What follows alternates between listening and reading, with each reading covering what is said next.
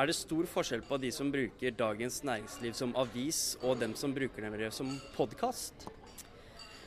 Oh, det, det, er vanskelig å si, for vi er jo ennå litt sånn underdogs på podkast. Eh, så jeg tror vi må komme liksom enda bedre, bredere i gang og treffe enda mer treffsikkert før jeg kan si det. Men vi ser jo at vi, finansredaksjonen vår, som er veldig speiler eh, eh, kommentatorfeltet vårt, treffer jo godt, faktisk.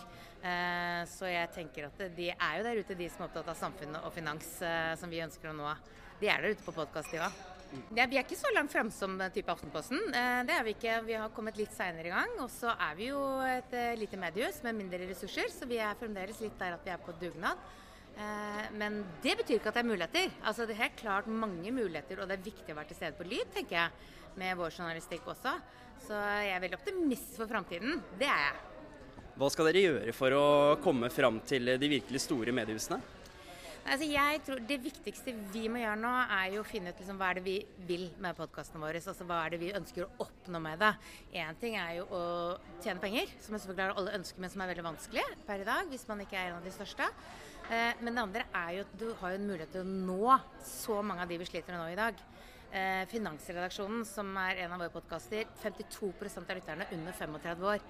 Det sier litt hvilken mulighet vi har for å treffe de yngre med vår journalistikk. Jo, vi har jobba med podkast eh, siden 2015 og jobba veldig aktivt med kommersialisering av podkast siden 2018-2019.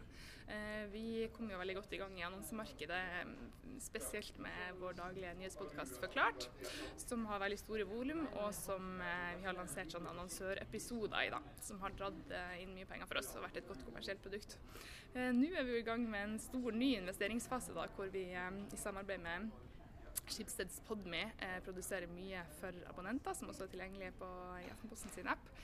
Eh, og hvor målet er å produsere mer feature, mer dokumentar. Eh, Podkaster som naturlig nok er dyrere å lage, men som også gir veldig høy verdi for brukerne. Mm.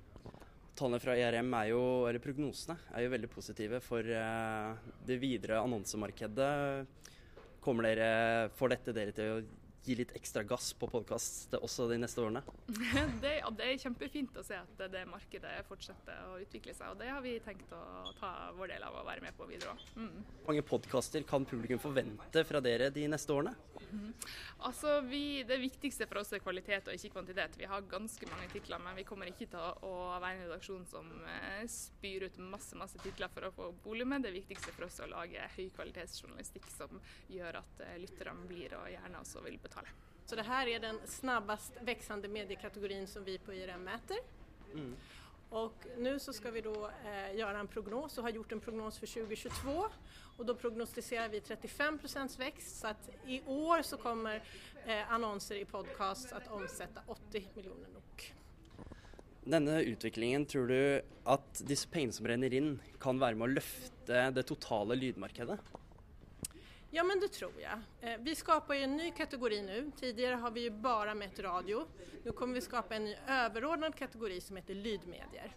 Och i den så kommer då radio ingå och sen även podcast. Och vi kommer löpande varje kvartal att se hur den marknaden totalt sett utvecklas. Och jag tror att det, det blir en viktig milstolpe för att kunna förstå just lydmedier bättre och hur de här spelar tillsammans.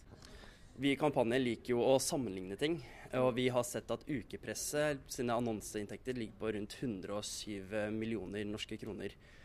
Når kommer podkast til å ta igjen ukepresset? Ja, eh, det er svårt å si. Vi har just nå bare en prognos for 2022. Mm. Eh, men innom de nærmeste tre årene kanskje det finnes en sannolikhet, absolutt. Men jeg har ikke gjort noen offisiell prognos.